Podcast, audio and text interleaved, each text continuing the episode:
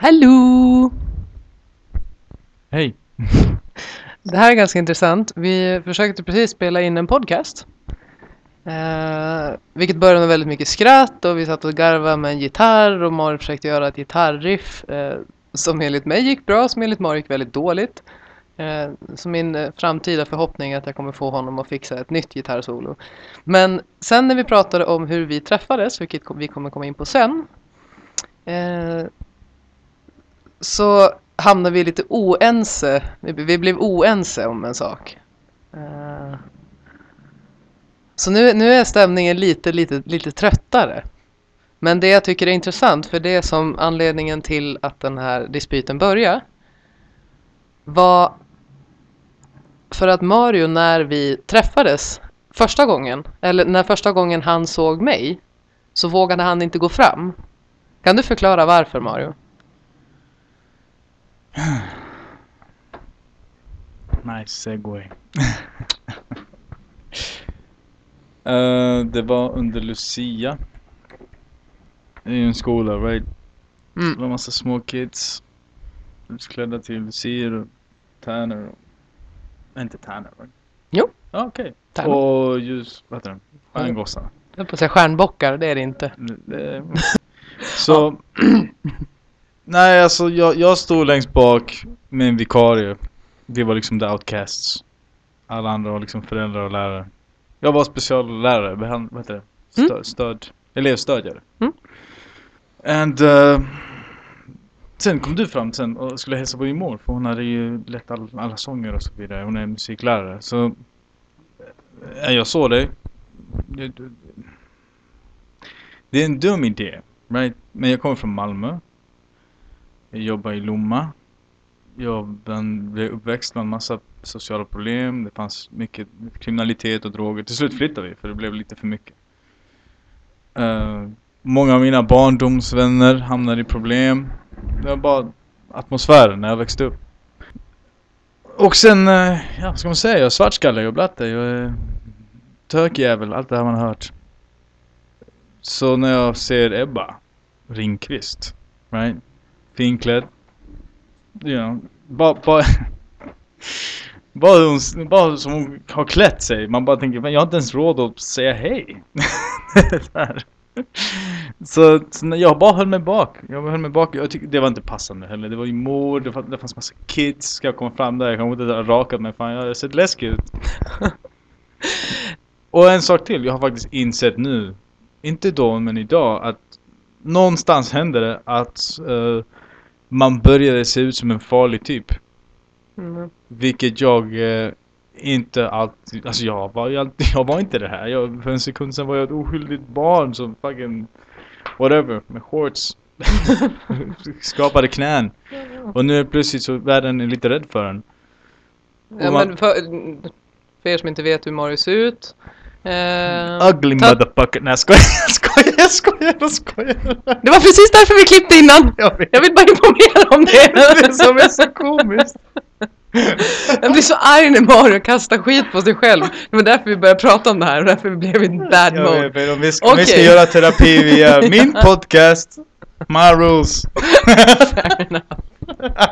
Vi har också insett att namnet Ebba tänker om Chile inte är helt rättfärdigt. För det är verkligen lika mycket Marios podcast som min podcast. Sen tyckte vi att det var en lite eh, rolig ordvits ehm, med Ebba tänker om Chile. Kontentan i det hela. Eh, Nej men så här. Jag är väldigt glad din Robin, babe, Mm, till din Batman. Eh, Yes, varför inte? Nej, Det är kvinnornas tid, goddammit. Nej men eh, det jag tror också är viktigt att, eh, för det som vi ville prata om idag är att jag många gånger fick meddelanden från, jag har fått meddelanden från personer som inte jag pratat med på typ tio år. Som bara, men Chile, vad gör du i Chile? Hur, hur hamnar du där? Och så börjar jag alltid skratta för det är ju en lång historia eh, i hur jag hamnar här. Och där det börjar är ju då för typ tre år sedan så ringer mamma. Um, och vi pratar en stund och sen säger hon jag har en fantastisk kollega. Och uh, börjar prata om sin kollega som är elevstödjare. Och jag träffade mamma, jag tror att hon var och hälsade på i Göteborg och hon började prata om den här killen igen. Och så sa hon, Ebba det där, det där skulle vara en kille för dig. Och jag började skratta lite grann och tänkte, ja, vi får väl se vad, vad mammas smak säger. Och hon bara, nej men han är kampsportare, han är... Nu ska jag faktiskt citera mamma här, nu kommer Mara bli jätteröd i ansiktet. Men det mamma sa är att han är prototypen över hur en man ska se ut. Uh, det är ganska svårt att inte gå in och kolla på Instagram över den komplimangen som min kära mor just gav den här killen. Så jag gick in och tittade och tyckte att det, det var väldigt ovant till de killarna som mamma annars brukade rekommendera som var långa, smala, gängliga glasögonpersoner. Eh, fantastiska människor. Men jag, eh, jag är idrottare och eh, har bredare intressen än bara musik, rent krasst. smaken är som baken. Om man ska vara helt frank. Ja. Nej, men och ehm, jag tycker i alla fall att den här killen ser väldigt bra ut. Men sen säger hon han ska flytta till Chile. Och efter det tänkte inte jag så mycket mer på det här. Utan det var så här, en snygg kille, jag tror jag började följa dig på Facebook eller Instagram eller något sånt där. Eh, redan då. Och sen typ två och ett halvt år senare så dyker den här personen upp i mitt flöde igen. Och jag ser och så tänker jag, oj, eh, just det, den här personen. Eh, så började jag gå in på hans Instagram och tänkte, ja men han, han bor ju i Chile och det ena med det tredje. Och sen, ah, gör en väldigt lång historia kort. Jag, hela tanken var att jag skulle flytta ner till Lund, jag skulle börja jobba, jag skulle spela handboll i Lund. Allting var mer eller mindre klart i tankarna. Helt plötsligt så flippar hela mitt sinne ur. Och jag bara, nej, jag kan inte flytta till Lund, jag kan inte fortsätta så här, jag måste bryta mig loss, jag måste ut, jag måste hitta på någonting. Och i mitt liv då såg det Inget emot Lund. jag älskar Lund. Jag älskar Lund. Det var därför jag skulle flytta dit. Eh, jag har lyckats implementera en dålig vana hos Mario. Han har börjat snusa. Tycker Thanks, jag är babe. riktigt trist alltså. Jag känner mig lite mer svensk, you know what I'm saying? Eh, nej, men så vet, ehm, jag inser att jag måste komma iväg och resa. Jag börjar kolla på resor till eh, Mexiko. Jag börjar kolla på resor till Nya Zeeland. Och i den här tanken om resor så skriver den här kollegan till mamma som numera bor i Chile som heter Mario skriver till mig. Och då börjar vi prata och eh, ett halvår senare 11 november så landade jag på Santiagos flygplats och träffade Mario för första gången. Ja. Fast för sex månader så har vi en podcast. Det är så vi träffade varandra så att du och jag träffades för första gången träffades för första gången på flygplatsen i Santiago. Du hade sett mig en gång innan. Ja, jag såg din ryggtavla. Mm. så vi träffades första gången i Santiago. Ehm, och sen som ni många vet här så tre veckor innan jag kom till Chile. Jag bokade biljetten eh, förra sommaren, det vill säga typ i juni. Santiago, lugnt, fridfullt. eh, I alla fall i de finare delarna. Ja, ett, ett högfunktionellt land i Sydamerika bokar jag min biljett till. Tre veckor innan så hör jag på nyheterna oroligheter i Santiago. Och tänker hoppas att det här bara blåser över och att inte mamma får se det här. Typ en halvtimme senare får jag ett meddelande, en printscreen från min storebror Kalle. Ehm, och typ några utropstecken efteråt. Och varpå jag tänker, hoppas det lugnar sig, hoppas det lugnar sig. Det som hände 18 oktober 2019 var att det bröt ut en revolution i Santiago.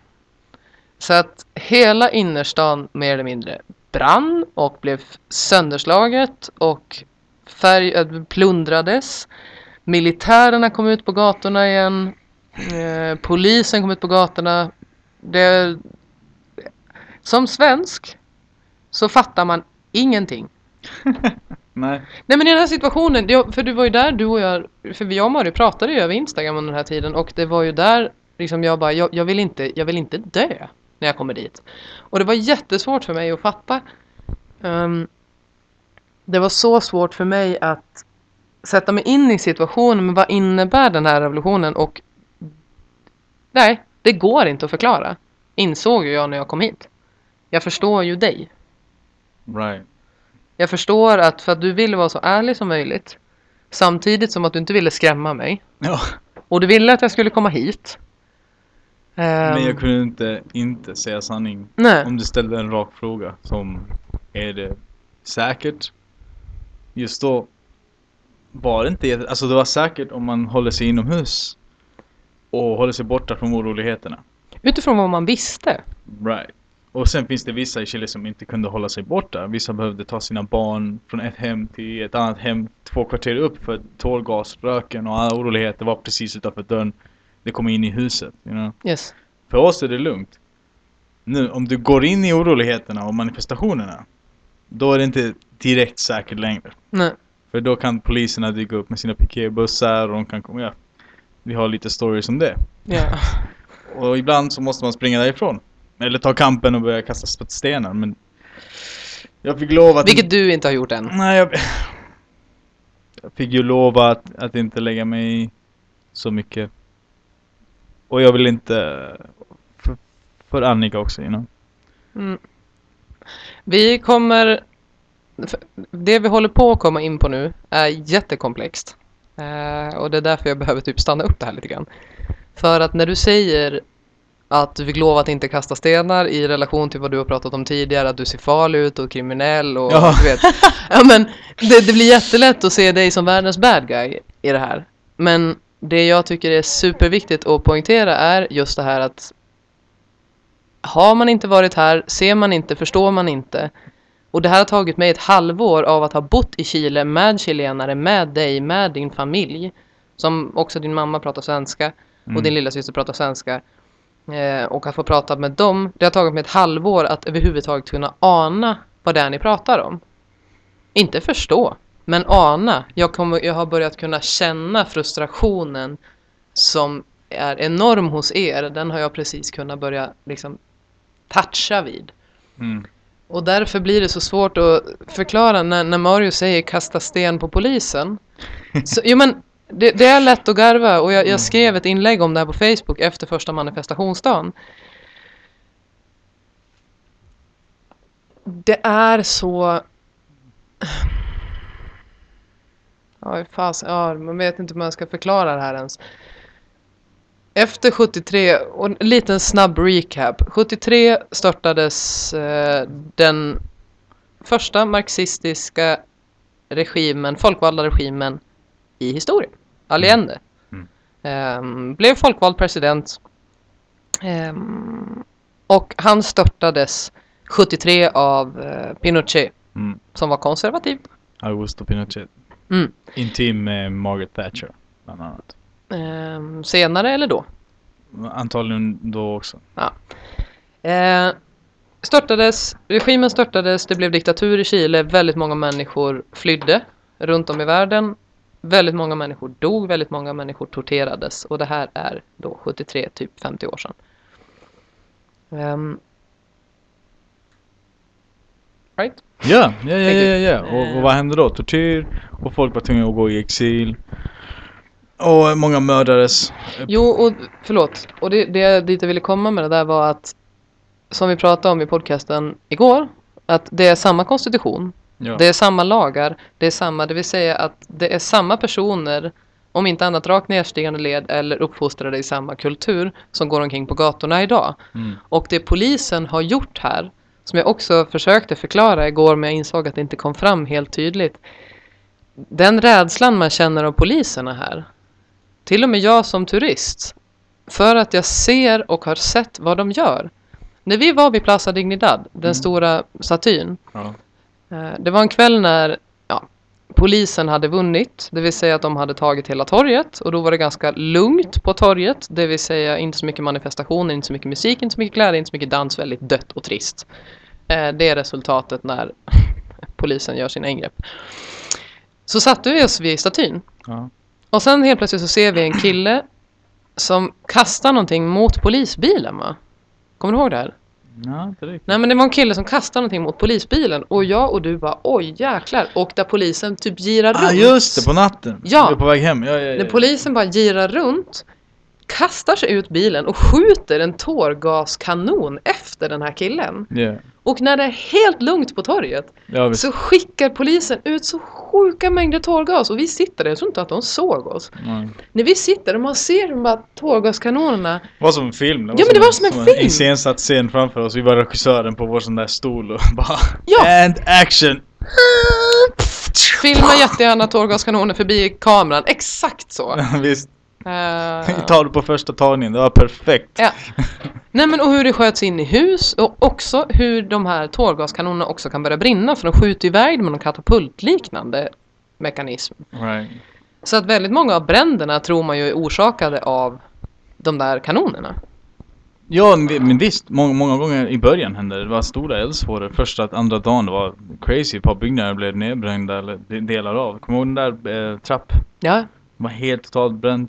Men var det tårgas? Jag tror, alltså det fanns många gånger, speciellt när någonting började brinna ovanifrån någon lägenhet någonstans. Ja, Där de bara hade skjutit massa tårgas in någonstans och de bränner till, you know? alltså det här måste man också poängtera. Eh, jag känner mig så dum. Jag känner mig så dum ibland.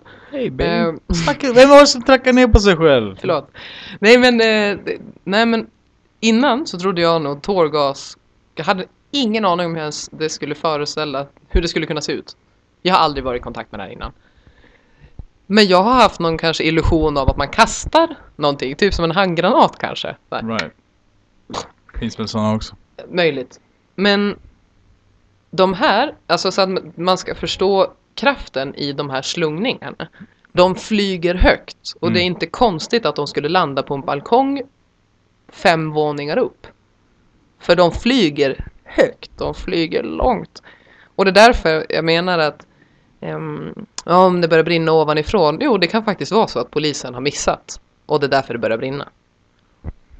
Absolut. Missat. Men de skjuter också mot människor. Och de, Ja. har, de har träffat människor i ansiktet och folk har dött också. Och mist, många har mist ögonen. Det är mest av allt. Det är symboliskt för den här rörelsen.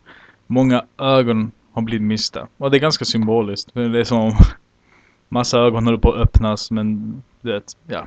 Kan du inte berätta det där ordspråket som finns? Som Andreas skrev. Ah, eh, que cu- cuesta, cuesta un ojo de la cara. Ja, vad betyder det? Att det kostar ett öga från ansiktet. Om någonting är dyrt. Det är ett gammalt uttryck. Det, gammalt kostar uttryck. ett öga. Cuesta un ojo de la cara. Så, så min, min fantastiska lilla syster eh, gjorde en graffiti. Eh, det finns massa graffitis över hela landet just nu. I varenda stad. Men hon gjorde en fin graffiti med ett öga som blöder och så står det i Chile. Att bo i Chile kostar un ojo de la cara. Så det är egentligen en blandning över det som händer och ett gammalt ordspråk och det är därför det blir fint. Ja, ja, Mm. ja och det är ju så hemskt. Man kan jo ju men det blir, inte... det, det är väldigt talande. Man kan bokstavligt talat inte blunda. Oh. Man kan bara mista ögat. Nej, så att det var... Det var ju det här jag kom till. Det där var första, första veckorna. När jag fortfarande var i Sverige. Mm. Och att försöka rodda med det här. Med tidsskillnader.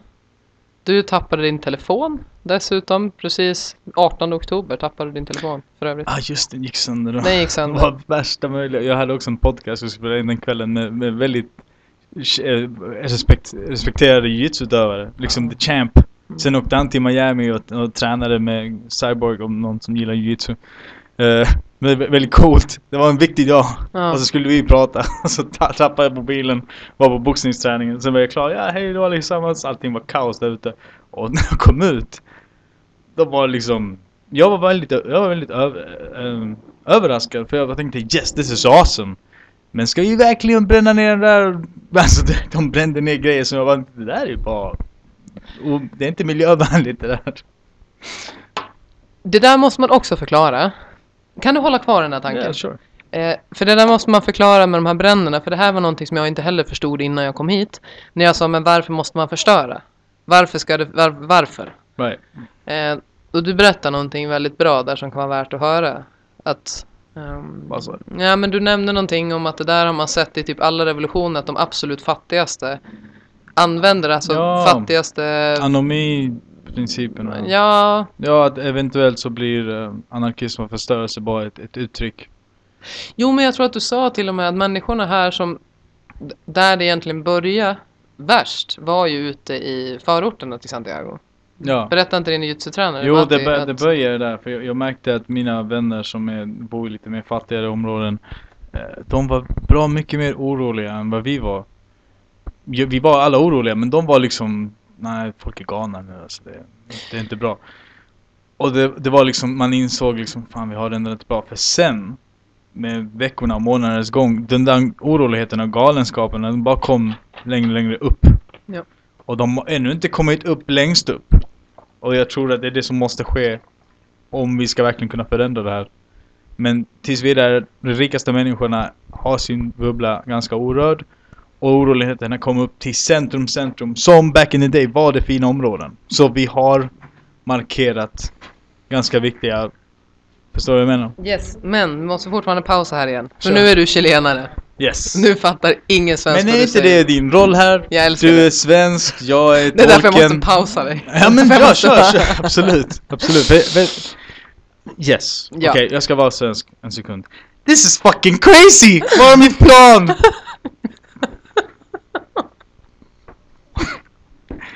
Men fuck it, okej? Det- Världen är bra mycket mer, alltså den är stor och liten samtidigt. Nej, men det är bra mycket större än er lilla ö, peninsula. Stopp. Och den är bra mycket mindre, så världens problem är at your doorstep. Det jag menar med det här är att man förstår inte det här om man inte har den bakgrunden du har. Och du måste, måste, måste förstå det. Kör, okej. Kör. Sorry. Ja, nej men för det jag menar med det här är att när Mario, när Mario säger liksom att vi har tagit gatorna, vi har kommit upp i samhället, vi, det låter väldigt, eller, det, det låter väldigt, ja, vad ska man kalla det? Kamp, Ja men, li, men lite sådär. Passion. Och jag tyckte att det där lät märkligt innan jag kom hit också. Okej. Men jag fattar det nu. Mm. Men där måste vi försöka få med människor Absolut, att förstå absolut. vad det är det här Absolut, innebär. Kör, kör. Det- kör. Hänger du med? Ja, absolut. Thank you. Eh, nej men att... ehm, vad vad var det vi pratade om innan? Att folk brände grejer. Jo, nej men varför det blir, varför eh, det blir sån förstörelse. För jag tänkte, okej, så här Sverige. Ebba i Sverige. ehm, 2019, mm, typ 20 oktober, två dagar efter revolutionen bröt ut. Då går Piñera, det vill säga Chiles president, ut i pressen och eh, det här sänds i Sverige där han ber om ursäkt till folket, säger att vi ska börja jobba på lösningar. Um, dagen innan hade han sagt att det är fullt krig. Mhm. Eh, det är krig mot befolkningen. Och sen dagen efter så går han ut och ber om ursäkt och säger att vi ska börja försöka pyssla det här och vädjar till folket att vi ska gå tillbaka till det normala livet. Jag tänkte, det där låter som en vettig president. Det låter inte helt orimligt. Att, och vad ska man göra då? Det blir re- revolution och upplopp på gatorna. Klart man tar ut militären, klart man tar ut polisen. För det är så det funkar i typ alla andra länder. Det är rationellt. Mm. Och så tänkte jag, varför ska man förstöra allt det här? Varför pratar man inte bara? Varför, var, var, varför ska allt det här till? Det här är onödigt. Jag var så arg på dig att du var så lycklig över det här. Ja, alltså jag har svurit. De där tre veckorna var riktigt tunga. Det är en liten glad loppa som sitter på andra sidan jordklotet i ett krigsdrabbat land utifrån vad presidenten säger. Och som svensk tror man ju på media och på tidningar. Så jag fyllde ju bara mer eller mindre det. Åh, Och det och jag censurerar mig så mycket när vi snackar. Oh wow. Nej, det, det var tunga tre veckor. Men, eh, så det som också, jag tänkte, varför ska man förstöra? Man kommer kunna prata. Men då förklarade du att i många revolutioner, liksom när det här bryter ut, så är det oftast i de fattigaste delarna det kommer först. Och där i princip människor som lever på gatan bara, okej, skit i samhället. Nu ska jag bara för första gången få äta mig mätt. Nu ska jag för första gången få ha en TV. Nu ska jag för första gången få... Så För man det- plundrar. Ja, exakt. Det Ja, komma till. Och det är där, som, det är där jag vill komma fram till att det finns ett socialt problem. Det är inte galna crazy idiots som liksom fattar de här besluten för att det är en kul grej. Utan det är fattigdom som resulterar i det här.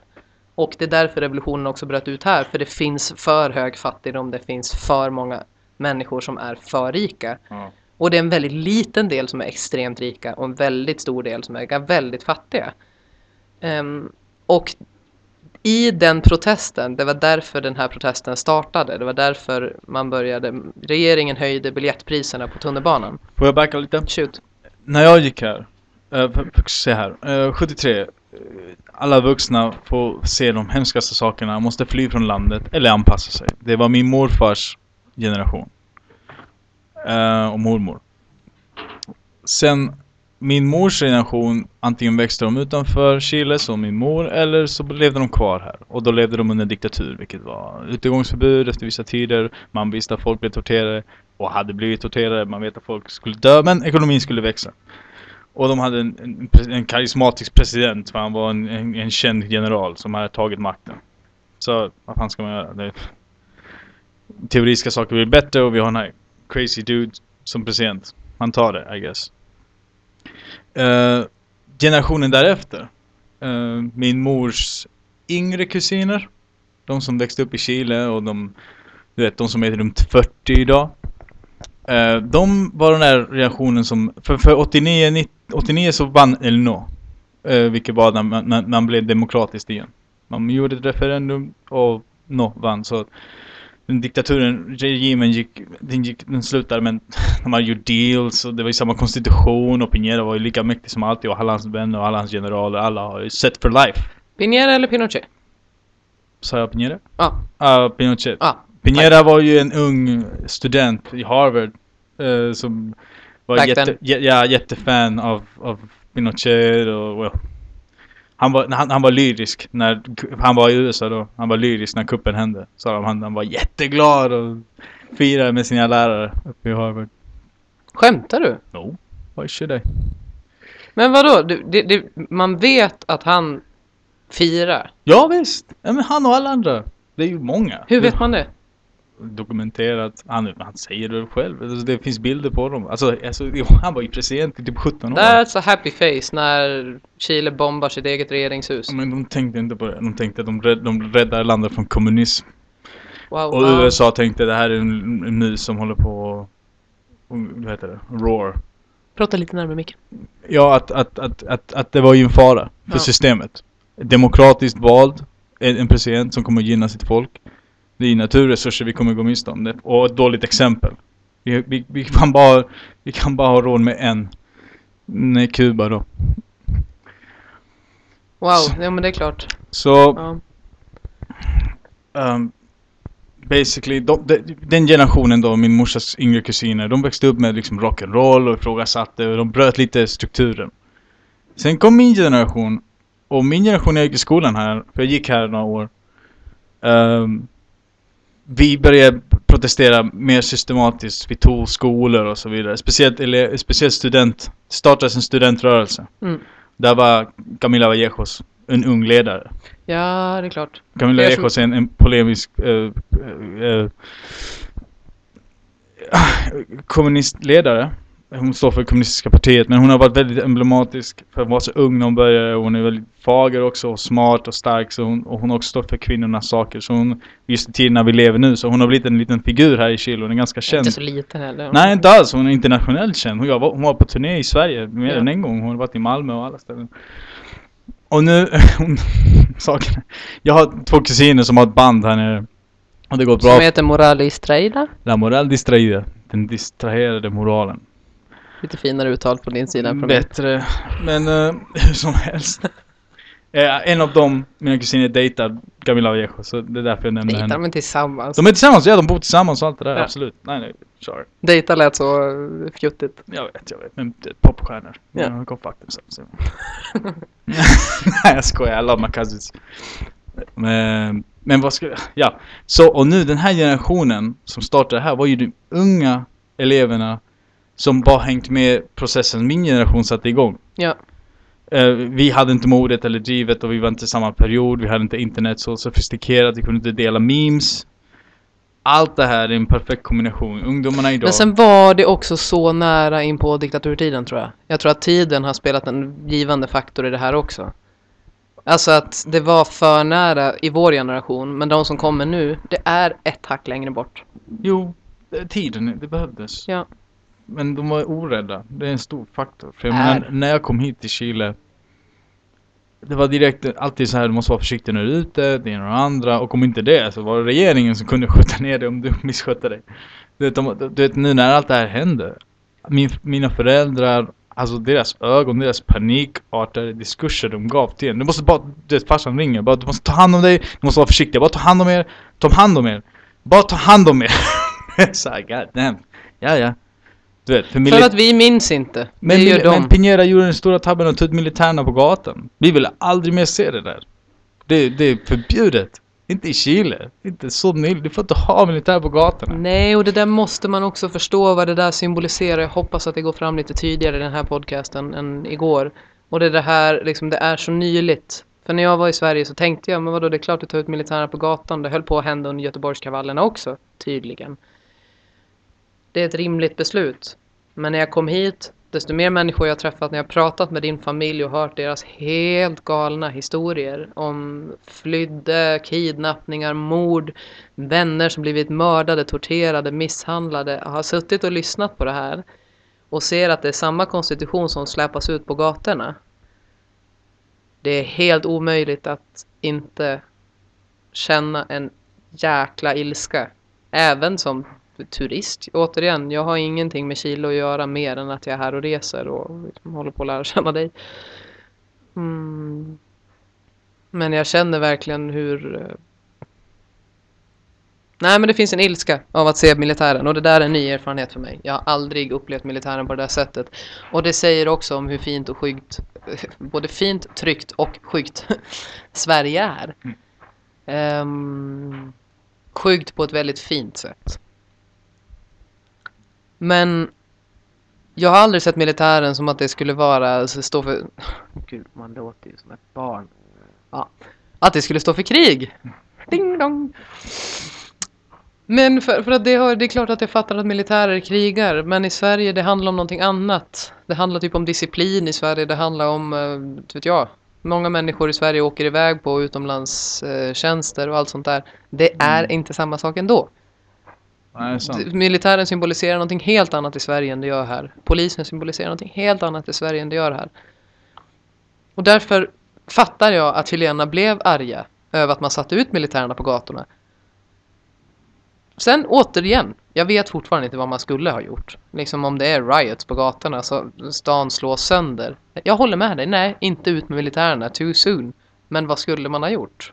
Att det, det, det är svårt. Jag tänkte så här.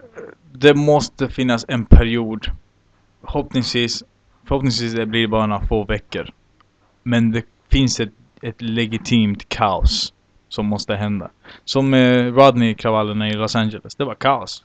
Mm. Men det var bara för mycket. För de som inte vet vem Rodney King var. Men Jag var en, en, en svart man som blev nedslagen av poliser och det var lite före sin tid. Idag hade vem som helst plockat upp sin mobil.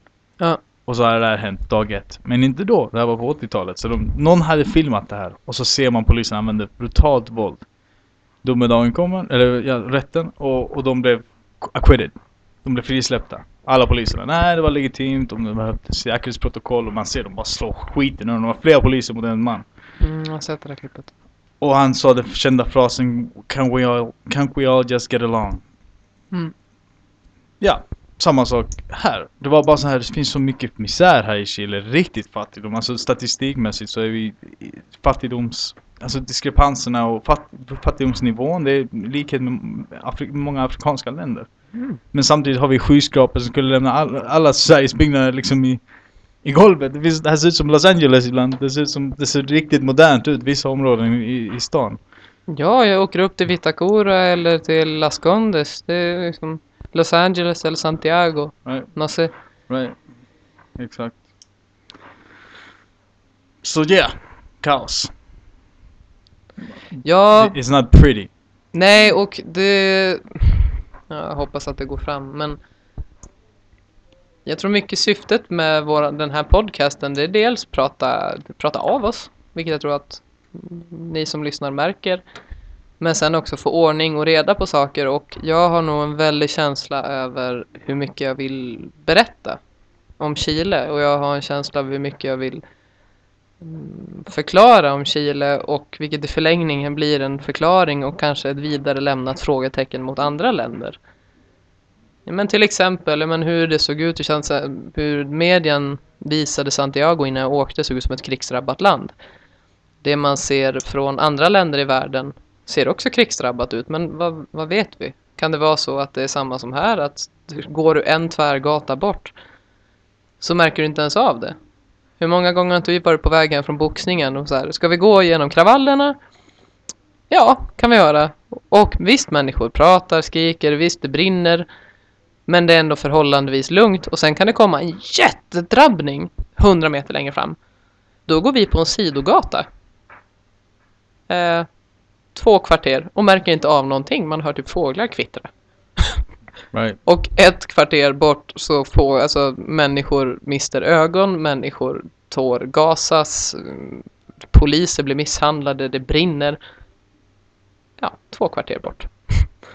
Och så kan vi promenera igenom där, gå förbi de kravallerna, gå ut på Plaza Dignidad där det dansas och sjungs och människor är glada och det är så absurt och det det är verkligen, ja, filmar man nu in i den här drabbningen som är 100 kvadratmeter stor, då ser det ut som det är fullt krig. Men filmar du 100 meter bort så ser det ut som vilket lugnt liksom, land som helst i skymningen. Ja. Och jag tror att det sådär kan vara på många andra ställen också. Att, eh, jag vet inte. Det är klart att man inte ska åka till ett krigsdrabbat land. Det är väl dumt att boka en biljett till. Nu är det svårt med coronatider, men sen också. Men jag, jag tror att jag vill bara peta i att det är väldigt nyttigt att se. Det är väldigt nyttigt att bara bryta ens fullständiga vardag och perspektiv och om man har möjlighet att bara vända och vrida på allt. För det har verkligen den här resan gjort med mig. Verkligen vrida på allt. Bara välta bordet. Ja. Du kan hitta någonting under. Mm, verkligen. Ja, Okej, ja, men jag tänker på det du sa. Så att lyssnarna vet kanske vem de har att göra med här. Jag är ju... Jag blev uppväxt i det här. Ja. Jag blev ärvd den här historien. Jag blev ärvd, alltså morsan spelar LP-skivor och jag med fyra år fattar inte varför hon gråter liksom strömmar. Viktor Jara. Klart. Så du vet där, man bara växte upp med det här. Sen är jag så, jag var, ironiskt nog, jag, jag växte upp i Sverige och jag tyckte alltid jag var jätte, jättesvensk. Jag kände mig jättesvensk. Jag menar, jag, vet du vad, jag- vet du när jag kände mig riktigt svensk? När jag, spel, när jag ritade den där, eh, vad heter det där lejonet som hade en glass? Typ Max eller något sånt där. Hans, hans dräkt hade, var som ett X. Kommer inte ihåg. Jag var ett lejon och en glass och man kunde skicka in en teckning. Jag skickade in en teckning. jag bara tänkte det här gör bara svenska kids just nu. Mario är väldigt duktig på att rita också. Nej. Wow, any, vad skulle jag säga med det där? Jag menar att jag var, jag uppväxte, jag, jag kände mig alltid väldigt svensk. Och det var ironiskt nog svenskarna som fick mig att känna mig osvensk. För sen kom jag tillbaks till Malmö till exempel, om jag har bott i Blekinge. Och jag gav diskurser, väldigt svenska diskurser, till mina homies. Du vet, det här, den här attityden du har, den är inte positiv. Alltså, Så ska inte skratta åt, åt svenskarna, det är inte bra. För jag fick den utskällningen när jag var yngre. Och du behöver en svensk styvfarsa för att du ska få den utskällningen. Eller styvmorsa. För annars kan du bara latcha med svenskarna. De kommer alltid vara fientliga och töntiga. Nej, jävla svennar. De är rasister. Och hela den här biten. Ja visst. Och det är helt fel. Och jag fick den utskällningen. och jag tackar varje dag. Av din styvfar. Ja, yeah, jag tackar honom varje dag. Han, han, han gjorde ett good jobb. Jag fick lära mig Astrid Lindgren och allt det här. Jag, jag blev så mycket mer svensk tack vare honom. Så bra där. Vad vill jag säga med det här? Sen började jag sko- svenska skolor och det var så mycket rasism och xenofobi. Så man började liksom köpa in idén på att okej, whatever it is, jag är inte svensk, jag är något annat. Sen finns det små skillnader. Om, du- om du går i universitetet till exempel. Alla dina eh, klasskamrater har liksom en fond och de har en dekorerad lägenhet och det är skitsnyggt och sen reser de iväg på semester och man bara wow. Good for them. Jag gör- Dina, dina klasskompisar Ja, i ja, ja. Vilshult? Nej, jag snackar universitetet nu. Ah, okej. Mm. Men man får ju en fond. Right? Får man inte en fond när, sen man är liten? Så när man går ut gymnasiet så har man lite pengar sparade. Åh wow. Det där menar jag vet. Jag menar som, nej jag snackar om dina föräldrar sparar pengar åt dig. Ja det gör de. ja, må- många av mina svenska vänner hade det där. Det är en sån liten skillnad. Men vad skulle jag säga med allt det här? Vad skulle jag med allt det här? Fan, nu blir jag förvirrad. Det går, det går går in på nationaliteter och varför inte. Jag tycker inte om det där. Jag tycker bara att det var spännande. Jag ville höra dig prata om dina Ja, upplevelser. Om... Right, right, right. Och sen kommer man till Chile och tar kontakt med kulturen. Så man, man börjar... Hur ska jag säga? Jag... Jag kan ifrågasätta Sverige idag. Ja, Så man kan ifrågasätta vilket land som helst. Jag tar det inte personligt. Jag ser det bara objektivt. Och det är väldigt svårt om man går runt med skölden. Liksom antingen svenska eller chilenska. Jag menar när jag är i Sverige så brukar jag alltid eh, kritisera Sverige och hylla Chile. mm, Och när jag är i Chile så brukar jag hylla Sverige och kritisera eh, Chile. ja. Men båda länderna kan ju lära av varandra. Det finns så mycket gott i båda länderna. Det där är faktiskt en grej som första dagen på manifestationerna. Jag tror jag grät större delen av dagen. Det rann bara tårar för att få se allting som hände men jag tror att en av de starkaste intrycken som det lämnade mig var Häng med nu. Det var den gemensamma kärleken i hatets namn. Och med det menar jag att man kunde se det var så mycket glädje hos människorna på torget som höll varandra i händerna. Och här i Chile ser man väldigt tydligt vilka som kommer från vilka orter. Alltså, är du från Providencia så syns det. Är du från um, Macul så syns det. Är du från, ja, Maipú. Recoleta. Yes. Man ser var man kommer ifrån och när du plötsligt ser en person som definitivt kommer från de rikare områdena i Chile hålla om en person som definitivt kommer från de fattigare områdena i Chile, då vet man att någonting är rätt här. Det är någonting som har gått precis som det ska. Och när man ser att de här personerna håller om varandra, sjunger i sån passion, i så mycket storhet om hur mycket de hatar situationen som de befinner sig i. Det var så märklig kontrast att se så mycket glädje i namnet av hat. Förstår du? För de alla visar här, allting man sjunger är mer eller mindre eh, Ja men det finns en som går Oh Chile desperto, desperto, desperto, Chile desperto Vilket betyder Chile har vaknat väl? Mhm. Ehm. Nej men det betyder Chile har vaknat. Och alla de här sångerna är liksom kampsånger. Och få stå mitt i allt det där och se det här och fråga dig vad sångerna betyder. Vad det har för kulturell, kulturell bindning till det. Ehm. vad det har för kulturell koppling till det och, och, och bara få känna allt det här. Mm. Det var så jäkla häftigt. Jag förstår vad du menar. Jag trodde aldrig det här skulle hända. Jag hade drömt om det. Jag är som sagt uppväxt i en ganska röd familj som pratar om sådana här saker. Så att folket ska enas för en sak, det är sådana här saker man bara drömt om. Men ju mer åren gick, eh, jag började bli mer och mer skeptisk. Och jag antar det är det som har hänt alla föräldrar som växte upp på den tiden. Det har bara gått fler år av skepticism. Men man blir bara så här, nej, jag tror inte människan har det i sig. Det är kanske förr i tiden. Vi har somnat. Vi har somnat. Och sen ser man helt plötsligt folk bara vakna upp. Vi hade pratat om det innan. Vi bara, vad fan måste hända? Vad fan måste hända för att det här ska fixa sig? Vi minns, vi kommenterade ofta. Vi var här på balkongen. The, with, the, with the brothers. Och eh, vi pratade, vad fan måste hända? Nej, staden måste brinna alltså. Staden måste brinna. Och mina släktingar, de äldre, eh, det är de som brukar bli klassade som extrema. De som inte anpassar sig.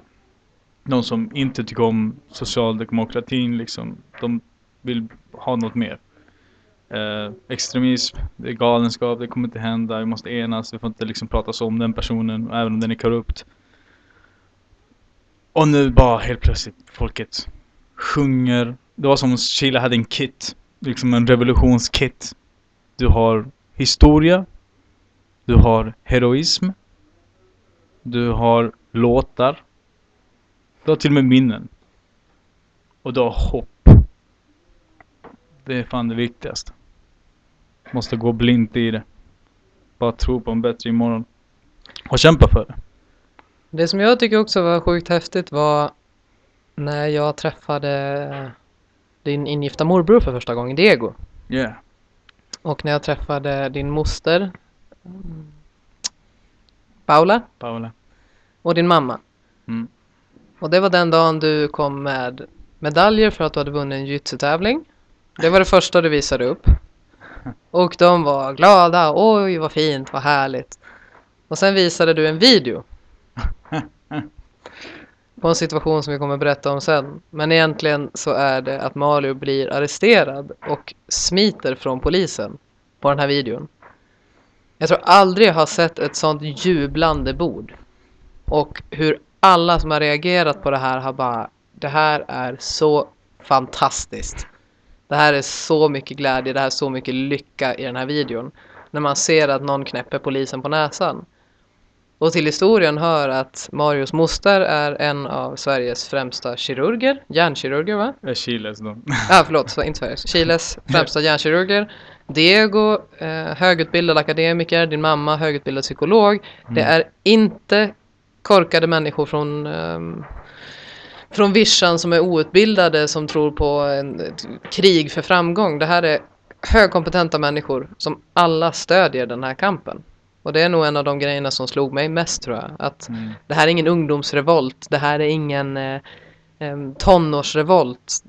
Det är hela landet. Alla. Yes. Alla som led under eh, diktaturen. All, allt det här kommer fram nu. Så det vi alltså har gjort nu. Hörs min mikrofon? Yes. Så det vi alltså har gjort nu är att vi har, vi var tvungna att pausa.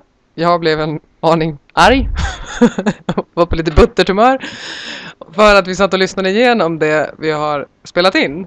Senaste typ 10 minuterna och insåg att det här kommer ingen förutom du och jag förstå.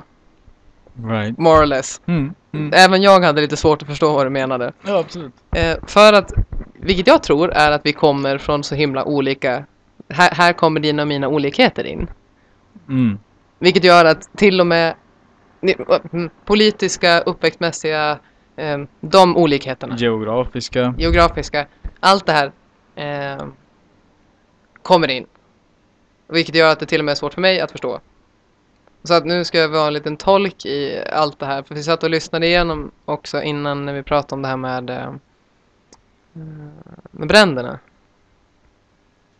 Och när, när, när Mario sa att eh, staden måste brinna. För mig, jag fattar exakt vad du menar. Jag, jag vet vad du menar och jag har Oj, nu ska jag svära i kyrkan här nu. Jag har till och med sagt det själv. För det är det enda... Ja, det här är helt sjukt att jag säger det här inser jag nu. Preach! Ja, men lite så. Sweet Lord! Jag är typ högröd i ansiktet. Um, kontentan i det hela är att jag har, jag har nog alltid stått för som alla majoritet av andra fredlig väg och man ska kunna prata sig till lösningar, man ska kunna rösta sig till lösningar, man ska alltid förespråka demokrati, man ska alltid, vilket jag fortfarande står för, nästan 100%. För jag har insett här att det finns ett kryphål där det faktiskt inte längre går att använda den demokratiska vägen. Det är helt sjukt att jag säger det här. Mm. Wow. Kommer verkligen bli klassad som anarkist här framöver. Men faktum är att det, det finns någonting i det här. Det behövde förstöras. För det här, det är först nu, det är 30 år av diktatur. 30 år av underdånighet. 30 år av ehm, fattigdom. Mm. 30 år av väldigt mycket lidande. Jag fattar att människor är arga, ledsa, trötta och vill ge igen. Och jag kan till och med se att det finns en poäng i det. Jag kan se människor få uttrycka sig, det skapas nya. Jag tror att Chile framöver kommer bli känt genom konsten bland annat. Det är det säkert redan, men än mer. För så mycket fantastiska väggmålningar och konst, alltså artisteri man har sett sedan jag kom hit är helt magiskt. Jag tror att den här revolutionen kommer bära med sig mycket nya, mycket fina, mycket bra saker. Och men förhoppningen är ju att samhället i grunden kommer förändras, att konstitutionen förändras. Att det inte längre vilar på samma, vilar på samma skrifter som fick det här landet att bli en diktatur som fick människor att dö. Ja, Jag vet inte. Det ska inte vila på samma grund. Nej. Det är ju samma snubbar som är i makten som då. Och, och om inte de så finns det en stark, stark nepotism. Det är Pinheiro och alla hans kusiner. You know? Ja, ja. Så ja, det, alltså för mig det låter väldigt eh, medeltidsaktigt. Det, man, man suktar efter en Robin Hood. You know? Ja. Oh wow, jag kan, jag kan inte släppa det här. Jag kan inte släppa att jag Fortsätt. suttit och spelat in eh, att jag säger att staden ska brinna. Men det, jag, vi vände på det. Jag sa till Ebba, för vi diskuterade lite grann. Jag sa till henne, kan du, kan du i så fall... Du kan ju vara en tolk. Och för, men samt... För hon känner ju mig. Hon vet vad jag vill. Vad jag förs- vi lär ju fortfarande känna, känna varandra. Vi har bara känt varandra i sex månader. Så liksom, eller ja, ett år om man räknar Ja. Otaliga timmar med sam, samtalen med mobil. Men liksom... Hur skulle du beskriva mig med, på, på, på, som en karikatyr? För ett rum med bara svenskar i? Så att, så att du, du vet, du har en hum om hur de kommer... Vad de har att vänta. Så att jag inte låter som en galning. För jag vet att det låter galet. Det kanske är lite galet. Men lite galet kanske inte är så fel. Hur jag skulle beskriva dig Ja, för, för dina vänner då liksom. Med ett kritiskt öga. med ett kritiskt öga. Och, och kanske lite karikatyr. Go nuts! Oh wow! Det, Go nuts baby! det är ju en kommunist-hippie som bor i Santiago tillsammans med sina brothers, vilket faktiskt de, de, de två är just bröder. Så det är inte bara amerikansk slang. eh, fantasiidéer om att förändra världen. En enorm optimism. Eh, och lite lätt galen men ett varmt, stort, snällt eh, hjärta. Och puttinuttigt det blev. Men det är nog faktiskt så jag skulle beskriva dig med ett kritiskt med ett initialt kritiskt öga med ett eh, inte fullt lika efterkritiskt öga. Thank you. Och du, jag, jag känner inte ens till den här termen, men du var en borgarbracka var det? Borgarbracka, det är Ja. en kompis som mynta, absolut inte myntat det begreppet, men hon kallar mig för borgarbracka. Ja, okej. Alright. Ja. Så det är det, det, det är de här två svenskarna som sitter här. En från Malmö och en från Gällivare. Ja, just det. Så det är ganska bra spektra vi, vi cover. Är från, punkt till punkt. Och vi i Santiago. Det är social revolt har varit. Och nu är det coronatider. Instängda, karantän. Och vi bara, och finns militärer på gatorna. Wow, jag, börjar, ja, jag, jag tänker nu på bara med... Eh, ja, men, titta på det med ett kritiskt öga och liksom... För jag kommer ihåg när vi pratade med varandra Mm. så var jag väldigt... Vi började prata om politik och du sa att mitt hjärta kommer alltid ligga till vänster. Mm. Jag, jag tror att vi argumenterade en stund för det där så sa du ja, men du måste förstå min historia för att förstå att jag aldrig kommer kunna rösta på någonting annat än vänstern. Nu har jag börjat förstå dig. Nu har jag börjat förstå att det handlar, det är också ett arv som du äger. Det är så därför jag kallar det det. För jag, Jo, men- jag, hade jag bara varit i Sverige och inte haft min vinkling till Chile. Om jag inte hade investerat i Chile, för det gjorde jag. Ja, Jag reste ofta. Jag lärde mig språket väl. Jag etablerade relationer. Och jag provade att bo här. mm. Så jag skapade en vinkel. Men hade inte Du varit pratar för det. jättelångt ifrån micken nu. Men hade det inte varit för det. Så nej, jag hade lätt kunnat bara fixa ett bra jobb och jag har inte varit brandman eller något sånt där. Som vi från utländskt födda föräldrar brukar bli i Malmös innerstad. Ja, nej, alltså det jag tänkte på nu var faktiskt politik. Jag var inne på att vi hade helt olika... När vi pratade så att du kommer aldrig förstå det här. Ehm, om du inte, att du måste känna mig för att förstå. För att jag var ganska kritisk gentemot vänstern. Jag var ganska kritisk mot, mot kommunism. Jag var ganska kritisk. Kommunism är jag fortfarande kritisk mot. Mhm, mhm. Men ehm, det blir ju också så himla komiskt när man säger skulle jag prata om den politiken jag förespråkar här, om jag skulle vara politiker här och skulle förespråka en politik, så kommer människor stämpla en kommunistflagga i ansiktet på mig. Eh, I Yes. Sverige så skulle jag sannolikt hamna någonstans i mitten utifrån den förespråkan, liksom den politiken som jag förespråkar. Då skulle jag inte hamna liksom långt till vänster. Jag skulle säkerligen hamna någonstans, ja mitten, mitten konservativt, jag vet inte. Mm. Och det är samma politik, så man måste fatta liksom att politiken ser inte lika, att vara vänster i Sverige är inte samma sak som att vara vänster här. Nej, exakt. Alltså, våra absolut mest, alltså Moderaterna, Moderaternas politik skulle motsvara det mest vänsterkommunistiska partiet som hade existerat här. Yes. Yes. Och det Bra. där måste man vara lite... Bra att vi klargör det. Vad sa du? Det är bra att vi, bra att vi klargör det. Jo, nej men det där... eh, För, för att det ser så himla annorlunda ut.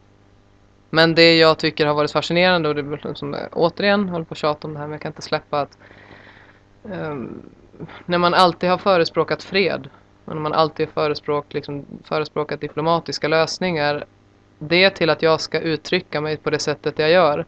Jag hoppas Egentligen så hoppas jag nog bara att de som lyssnar förstår hur mycket det här det, det, vet jag, det ändrar den att se det som händer här.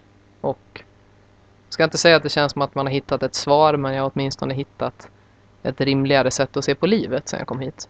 Typ politiskt framför allt, jag. Bra. Deep. Jo, men det är... Mm, Jag behövde komma hit. Jag behövde se det här. Jag behövde lära känna landet. Jag kommer berätta det här i någon kommande podcast, men jag behövde bli jagad av poliser. Jag behövde se staden brinna, alltså staden brinna. Jag behövde framförallt se vad poliserna, vad myndigheterna, vad staten, vad medierna gör mot folket här. För det förstår man inte i Sverige. Alltså det, det existerar inte. Nej. Nej men det finns inte. Alltså bara punkt. Så det... mm, ja, Det är ett helt annat samhälle. Och man måste uppleva det, man måste se det för att förstå vad Mario menar när han säger att gatorna måste brinna. Upper Town måste brinna, vi måste ta oss upp i bergen, vi måste komma dit. I get it, nu. Yeah. Men jag hade inte Ja. gjort det i Sverige. Nej, absolut. Men Sverige är, ett annat, det är en annan grej. Sverige har löst de här problemen för 70 år sedan. Eller mer. Det, vi, vi, det är ett annat, annat fenomen. Men jag är så glad att du kan förklara det. You know, det gör mitt hjärta varmt. När jag såg dig förvandlas. Eva Desperto. Mm. Vi börjar sjunga det såklart. Eva Desperto. Ehm, du gav mig hopp. You know? Mm. Jag trodde inte det var så lätt. Att få en människa liksom så här att att inse. Jag behövde, för jag har alltid tvivlat på mitt, min färdighet att förklara det här. Jag har alltid tänkt att, att jag inte är tillräckligt klipsk eller jag har inte orden. Jag bara vet vissa sanningar på grund av vad de har förklarat. Och vad de har bevittnat och vad man läst och så. Men jag har aldrig tyckt att jag, fan, jag måste bara Jag vet inte hur jag ska förklara allt det här till en annan person. Och du kom hit och jag behövde inte göra särskilt mycket. Jag bara tog dig i handen. Och titta där. och du började förstå det så snabbt. Och det, det gav mig bara sån här Alltså Ebba är väldigt intelligent. Men det var bara något mänskligt. You know, jag, tror, jag, tror, jag tror människor om de får uppleva det du säger den där Ja. första dagen i manifestationen. Om man får uppleva det att det är möjligt att människor kan bara hålla sams och vara tillsammans. För vi vill vara tillsammans. Vi vill se varandra. Liksom stammen är enad igen. Det sker något psykologiskt. Det sker något psykologiskt. Ja men det, ja, det gör verkligen det. Och nu, när, när du säger sådär så slits jag direkt. Jag säger ja, tribe. Ugh. Jag, jag får någon sån. Mm.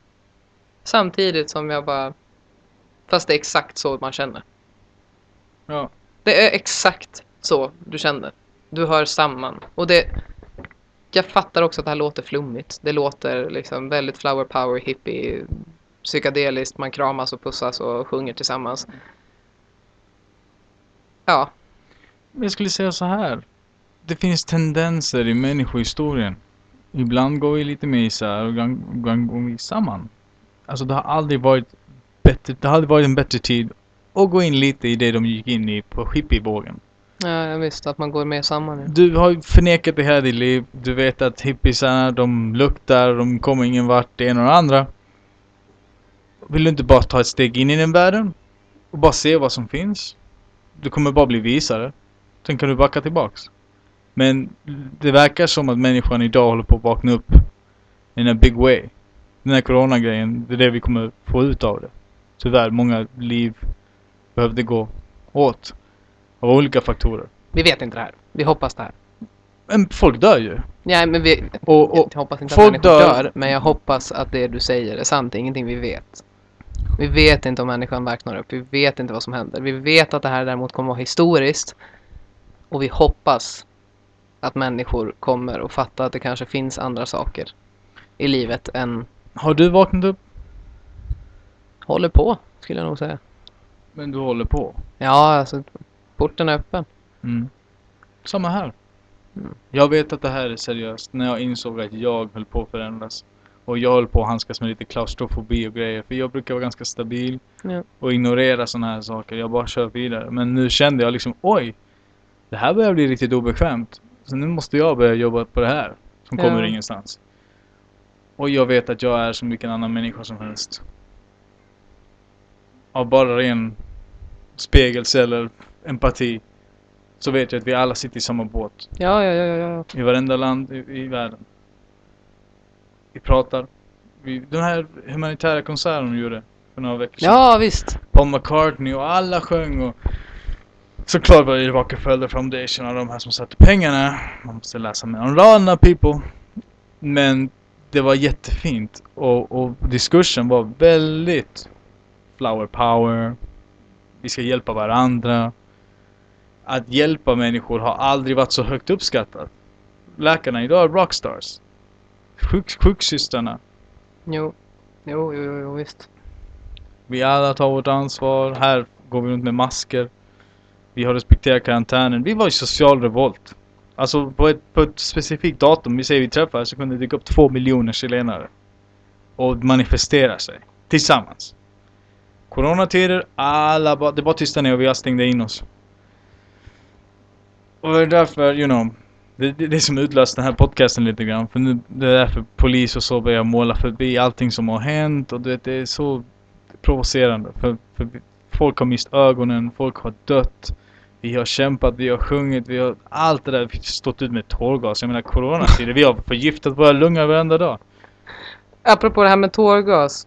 Det kan faktiskt vara värt att nämna. När jag kom hit så klev jag utanför dörren och det är där vi bodde från början, typ en kilometer från Plaza Dignidad. Ja. Mer. Klev ut genom dörren och jag bara, vad i, vad är det här? Är det tårgas? Bara, det här svider ju som fan. det är korrekt. Välkommen till Santiago. Och hela innerstan, det bara brände i hela halsen, brände i alla, alltså, brände i ögonen. Vart man än gick var man tvungen att ha den där masken. ja. Och när jag hade sett bilder innan så trodde jag ju att det var för att maskera sig fram till att jag fattade att det går inte att gå genom stan utan en liksom, man, bikarbonatvatten och en halsduk. och det är ju som en kultur, det blir en kampkultur där vi alla lär oss lite grann att hantera det här. Så man får liksom ett tränat öga för hmm, Borde jag ta ut bikarbonat idag i vatten så jag kan hälla över min duk och sen du vet, när, när tårgasen blir som värst att jag har någonting att handskas med den situationen. Ja, ja, men det är så här, nycklar, plånbok, telefon och bikarbonatet. Right, bra skor, Ja, du vet alla de här grejerna. ja. Ja just det. ja. jag började tänka på den här boken jag läste, eller som jag pratade om i, igår på podcasten, Sverige vänder. Arash Sanari heter han. Det finns en sekvens där hans far förklarar första maj. Eh, den här boken handlar om en iransk familj som kommer till Sverige och flyttar till Tjörn. Eh, och den här pappan, man får följa med i hans dagboksanteckningar, små rapporteringar. Och den här han förklarar första gången i Sverige på första maj, han hade hört att det var demonstrationer. Och han beskriver utförligt hur han tagit på sig ordentliga skor så man ska kunna springa och att man måste vara beredd på det som ska hända. Och när han kom in till stan så förklarade han det som en liten blommig gullig promenad i parken med någon som hade en, en skylt. Vi vill ha bättre sjukvård. Och det... Det blir väldigt roligt att se det här. Jag älskar första maj i Sverige. Jag tycker att det är väldigt mysigt. Men det är väldigt, väldigt gulligt och fint att se första maj-tåget utifrån den här bokens perspektiv. Utifrån mitt perspektiv som svensk. Men också utifrån mitt perspektiv efter att ha varit där det faktiskt är revolution. Alltså att manifestationer här. Det innebär bra skor. Det innebär bikarbonat, halsduk, vatten. Det innebär skyddsglasögon. Du måste ha det när du går ut på gatan. Inte längre, men Det är en kamp. Och jag, på, jag brukar alltid säga det som en sorts mantra. För man kommer ihåg att en kamp har aldrig varit bekväm. Att Nej, och du vet kämpa- ju att jag inte tycker om det här ordet kamp. Men det är ju Nej. för att det klingar så himla Men- men- kommunistilla. Right, men låt oss hoppa över det där nu. För nu bor vi 2020 och hela kommunist... Allt vad kommunismen brukar ha betydat borde vi inte ens tänka på längre. Det är bara så här, det är passé. Please, let's move on. Det var exakt den där förklaringen jag ville ha. Ja.